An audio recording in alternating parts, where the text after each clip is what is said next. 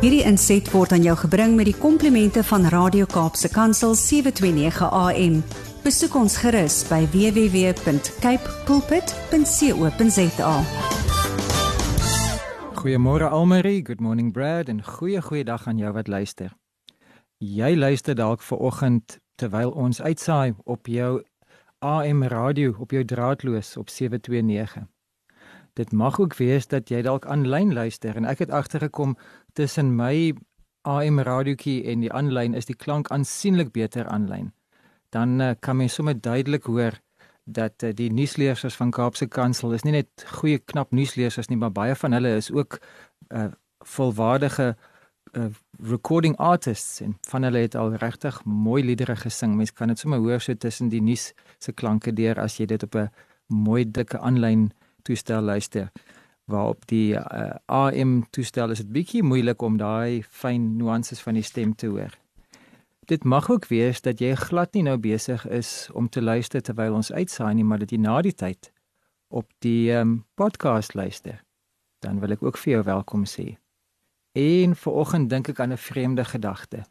Moontlik in tyd om te kom, jare van nou af, miskien selfs dekades van nou af, is daar iemand wat as deel van sy navorsing uh, Christen radio in Suid-Afrika se argiewe deursoek en dan mag jy dalk in die jaar 2050 of wie weet wanneer dan nou die Kaapse Kansel se podcast luister en dan nou per toeval of dan nou so ek sou glo per afspraak luister na my. Ek neem op in die laaste tyd, die laaste maand van 2022. Jy luister dalk in jaar 2050, dan wil ek vir jou ook sê welkom want uh, by die Here is daar nie so iets soos tyd nie. Nou ja, ons gaan nie vandag in, in time travel ingaan nie. Ons gaan praat oor bome. En um, ek het nou al uh, meer as 120 verskillende episodes op Kaapse Kansel se podcast waarvan die afgelope tyd vanaf die 7de Februarie af het ek elke enkele opname gemaak met die tema van bome. Bybelse bome, bome in die Afrikaanse taal, bome in my omgewing, bome in my lewe en dan het ek elke keer gepraat oor 'n ander boom. Maar vanoggend net voordat ons weer bietjie praat oor koeltebome, wil ek ietsie doen wat ek nog nie van tevore gedoen het nie. Ek wil hierdie tyd van ons gesprek wil ek opdra aan 'n baie besonderse jong man, 'n wetenskaplike. Ek ken hom goed genoeg dat ek weet hy sal glad nie daarvan hou as ek hom identifiseer nie. So ek gaan nie naasten by sy naam noem nie. Ek gaan ook nie eens naasten by sê uh op hoe dit is dat ek en hy mekaar se se paie gekruis het en dat ek die voorreg het om hom bietjie beter te leer ken nie. Maar ek wil hierdie spesifieke praatjie opdra aan hom juis omdat hy vroeër in die week vir my gewys het hy hy het 'n begeerte om sy lewe terug na die woord. Ons was besig om na 'n ander radiostasie te luister en uh, toe is dit tyd vir hom om om aan te gaan met 'n belangrike afspraak en hy vra toe vir my of ek nie die, die gesprek sal klaar luister nie want hulle het gepraat oor hoe voorkom ek uitbranding. En dit was 'n baie waardevolle gesprek op hierdie Christen radiostasie gewees. Hoe voorkom ek uitbranding? So as ons vandag praat oor koeltebome. Koeltebome vir Elia, koeltebome vir Hagar en ook koeltebome vir Rudy, dan wil ek dit doen in die lig van hoe voorkom ek aan die einde van die jaar dat ek uitbrand dit raak jaareinde. Daar is jaareindfunksies, daar is deadlines, daar is targets, daar is bereelings. Ehm um, miskien het jy die voorreg om 'n bietjie op verlof te gaan. Miskien gaan jy net so 'n bietjie rustiger by die huis sit, maar daar is 'n klomp dinge wat in plek moet val voordat dinge eers kan stiller word. En selfs die groot dae, die fees van Kersfees, die lekkerte van familie bymekaar, dit vat 'n klompie voorbereidings. Daar's inkopieslysies, daar's die moontlikheid van geskenke. Gaan ons hierdie jaar vir mekaar geskenke koop of gaan ons sommer net vir elkeen ietsie 'n mooi kaartjie maak? Al daai reëlings, al daai gedagtes. So jou dag en jou tyd is vol, selfs al is dit met die vooruitsig van 'n bietjie rustigheid wat voor lê. Nou ons het gepraat van Elia in 'n vorige gesprek wat nadat hy 'n geestelike hoogtepunt beleef het, toe 'n antiklimaks ingegaan het en onder 'n besembos gaan lê het en die Here het hom geestelik maar ook fisies vers, verkoop. Ons het ook gepraat van Hagar wat na 'n intense verwerping en 'n intense blootstelling aan hitte en en die woestyn en die ontbering om haar om haar jong kleuterseun te dra oor die sandduine in mekaar gesak het en nie meer verder kon gaan nie. en toe die pyn gedagte gehad het dat sy wil nie sien hoe haar kind van die dors en van die swakheid doodgaan nie. Sy wil nie by wees as haar kind begin roggel en sy laaste asem uitblaas nie. So sy het gedink sy gaan so ver soos wat 'n pyl kan skiet, gaan sy wegsit en dan 'n kans gee vir die kind om sy laaste asem uit te blaas. En die Here het haar gesien, want die Here is die een wat sien. Hy het 'n engel gestuur en die engel het vir haar gewys hier is 'n fontein en sy is gered. En dit die Bybel praat net van dat sy die kleintjie neergelê onder 'n bos, maar volgens oorlewering is dit ook 'n besembos gewees. So beide Elia en Hagar en Ismael het uh, onder die koelte van 'n bos of dan heel moontlike besembos verkwikking gekry. Maar ek is nie Elia nie. Ek is nie verward om te dink dat ek dalk Hagar is nie. Ek is nie Ismael nie. Ek is Rudy. En die Here weet watter koeltebome ek nodig het. En die Here weet watter verkwikking hierdie jong wetenskaplike nodig het sodat hy nie met met al sy navorsing en studies en deadlines en die die geweldige research programming en die die dinge wat in plek moet kom die befondsers en al die data en al die ontledings en die werk in die laboratorium dat dit alles om nie bring by 'n punt van uitbranding nie.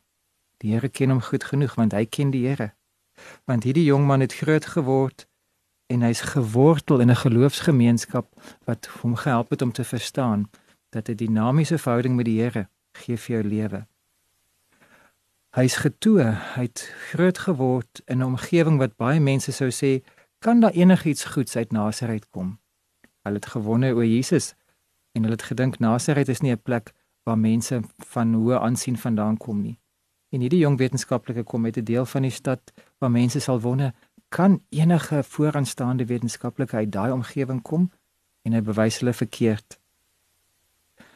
Hy weet ook hoe belangrik dit is om 'n gebalanseerde lewenstyl te hê en probeer partykeer die laboratorium verlaat en dan 'n lekker wye draai onder die oop lig te doen en dan in in in 'n stuk mooi park die bome en die bosse te geniet net om weer asem te skep. En daar het ons baie ook al gekruis want ek het dieselfde behoefte om uit die spitsverkeer uit te kom en net so bietjie groen gras onder my voete en koelte bome ook aan my te hê en dan ook weer bietjie te dink Wat gaan ek sê oor bome in my volgende gesprek op Kaapse Kansel? Maar as ek moet dink hoe voorkom ek uitbranding, dan sal ek my my gedagtes in twee helftes wil verdeel. Vir die paar minute wat ons oor het vir vanoggend, wil ek praat oor die begrip om verkook te word. Want verkoking voorkom beslis uitbranding. En dan by ons volgende gesprek wil ek daaroor dink dat as ek wil uitbranding voorkom, moet ek myself verlig verlig van onnodige laste dat ek nie en, enige onnodige laste dra nie. So verkwikking en verligting is albei nodig om uitbranding te voorkom. Verkwikking beteken vir almal van ons dat ons het slaap nodig. Almal van ons het nodig om genoeg water in te neem. Almal van ons het nodig om voedsame kos te eet. Almal van ons het nodig om om bietjie te rus. Ons kan nie net heeldag hardloop nie. Wel, 'n extreme ultramarathon atleet kan vir 16 tot selfs 18 ure van die dag kan hy aanhou skuifel. Hy of sy, hulle is amazing. Hulle kan 90 km hardloop in 'n Comrades klaarmaak. Hulle kan selfs verder hardloop en hulle kan dit selfs vir 'n klompie dae aan aan mekaar doen. Daar's van hierdie manne en vroue wat meer as een ultramarathon in 'n ry kan doen. Maar selfs hulle moet op 'n stadium rus en daardie kuitspiere masseer en die blaas op die voete behandel want 'n mens word moeg. So almal van ons ken fisiese rus. Almal van ons ken fisiese dit wat ons nodig het vir ons liggaam om voort te bestaan. Maar ons is nie net liggaam nie. Ons is ook nie net gees nie. Want ons gees moet verkoop word deur deur die communion, die die, die geestelike gemeenskap met Heilige Gees en die geestelike gemeenskap met die gelowiges, die woord van die Here om met die Here te gesels, aanbidding, om net sy in dankbaarheid net my gedagtes te vul met sy waarheid. Dit is alles geestelik verkwikkend. En Kaapse Kansel en 'n klomp ander hulpmiddels gaan jou definitief help om geestelike verkwikking te kry ook in hierdie in hierdie seisoen waarin ons nou ingaan. Maar daar is ook so iets soos jou siel, jou binnewêreld. En my binnewêreld word op 'n ander manier verkwik as joune. Ek ken iemand wat as as rekenmeester 'n geweldige vervulling daarin kry as die Excel spreadsheet se kolomme balanseer. As die petty cash tot op die sent gereg is, as die belastingopgawe tot op die laaste syfer, die laaste digit reg uitgewerk is. As die boeke balanseer, as die begroting nagekom is, daar's geweldige vervulling daarin as die syfers klop. Daar's 'n ander wetenskaplike 'n vriend van my wat jare terug as astrophysicist vir my gesê het, "Hierdie hierdie is nou 'n elegante formule." Hy kan kyk na bladsye en bladsye van formules wat vir my soos Grieks of gibberish lyk en vir hom lyk dit vir hom amper soos 'n ballet en hy kry vervulling en verkoeking daaruit om na formules te kyk. Baie van ons kry verkoeking in die natuur, baie van ons kry verkoeking deur musiek en deur vriendskap en opregte diep gesprekke. Maar die Here weet wat jy nodig het. Want net soos wat die mense wat in Denemarke bly, die Dene, Deens praat, so weet die Here hoe om Rudeens te praat met my, die taal van my hart. Hy weet ek praat Afrikaans, maar hy weet ook dat my Afrikaans klink baie keer bietjie Kaaps met my brei. En hy baie keer dan kom die feit dat ek in Pretoria groot geword het en in 'n staatsteater saam met my ma en pa was, kom ook 'n bietjie deur. Want dit, dit is maar deel van my agtergrond. Ek probeer nie verhewe wees nie, maar my Afrikaans klink bietjie anderste as hierdie gawe vriende wat ek nou in Appington gemaak het. En dan is daar die realiteit dat hy weet wat ek nodig het.